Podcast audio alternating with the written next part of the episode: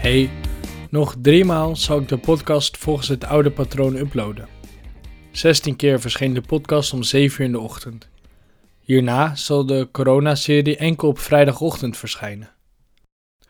Niet door een gebrek aan inspiratie, doorzettingsvermogen of motivatie. Slechts omdat er dan ruimte ontstaat om weer nieuwe vorm te zoeken voor de komende weken.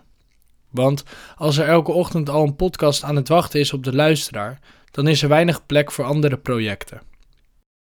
Wel merk ik dat het publiek stabiel is. Elke dag een vaste groep mensen die mijn verhalen beluistert. Tenminste, dat lijkt te blijken uit de cijfers die ik terugzie. Doorzettingsvermogen en motivatie. Dat is best een mond vol.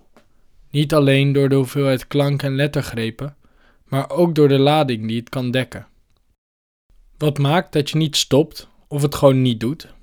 Wat maakt dat je de handdoek niet in de ring gooit als het moeilijk wordt?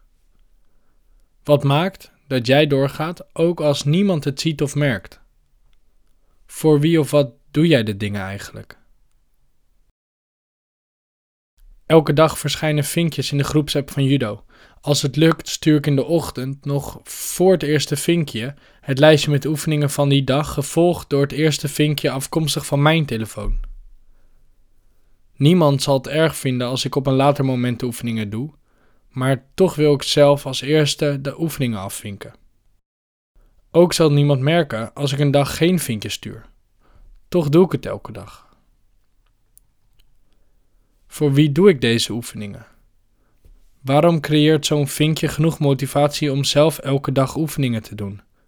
Ook als ik niet zeker weet of de anderen de oefeningen wel doen, maar laten we even uitgaan van de eerlijkheid van de anderen. Waarom wil ik in de ochtend als eerste het vinkje sturen? Als laatste wil ik motivatie verdelen in twee stukken. Datgene wat motiveert van binnenuit en de andere vorm van motivatie waarbij prikkels van buitenaf nodig zijn om de daad gedaan te krijgen. Intrinsieke en extrinsieke motivatie, zoals de officiële termen luiden.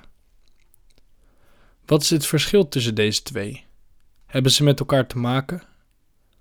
Wat maakt dat ik van binnenuit gemotiveerd raak?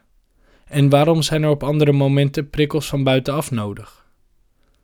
En kan ik oefenen om vaker intrinsiek gemotiveerd te zijn? Dit vind ik best lastig. Hoe is dat voor jullie? Wel trusten.